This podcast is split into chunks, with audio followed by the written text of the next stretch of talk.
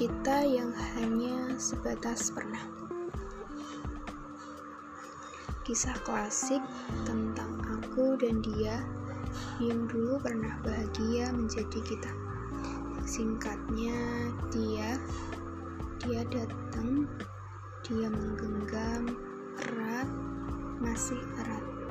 Kemudian sedikit mulai melepas, sedikit lagi hingga akhirnya lepas dan dia pergi.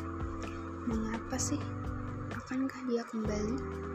Aku aku menerima kedatangannya, menggenggam erat, semakin erat, masih erat, tiba-tiba terlepas, menggenggam angin dan tetap erat.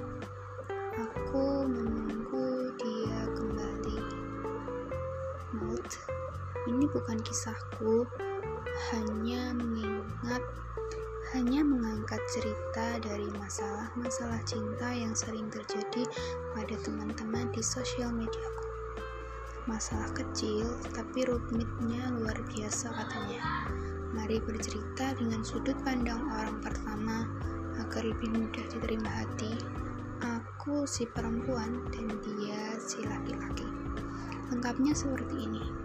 Tanggal 18 Juni 2016 Malam itu aku mendapat sebuah pesan WhatsApp dari dia yang belum aku kenal.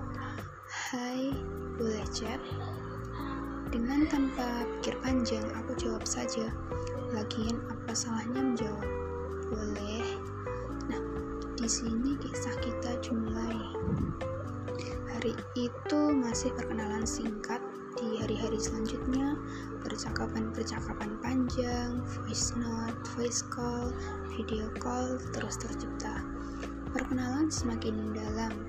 Lupa waktu dari pagi, siang, sore, malam, ke pagi lagi. Nyaman sih. Menarik sih, dia menarik. Aku bahkan merasa sangat beruntung bisa mengenal dia secara baik. Dari obrolan-obrolan perkenalan yang mendalam sementara bisa aku simpulkan beberapa poin ini yang mungkin perlu kalian tahu.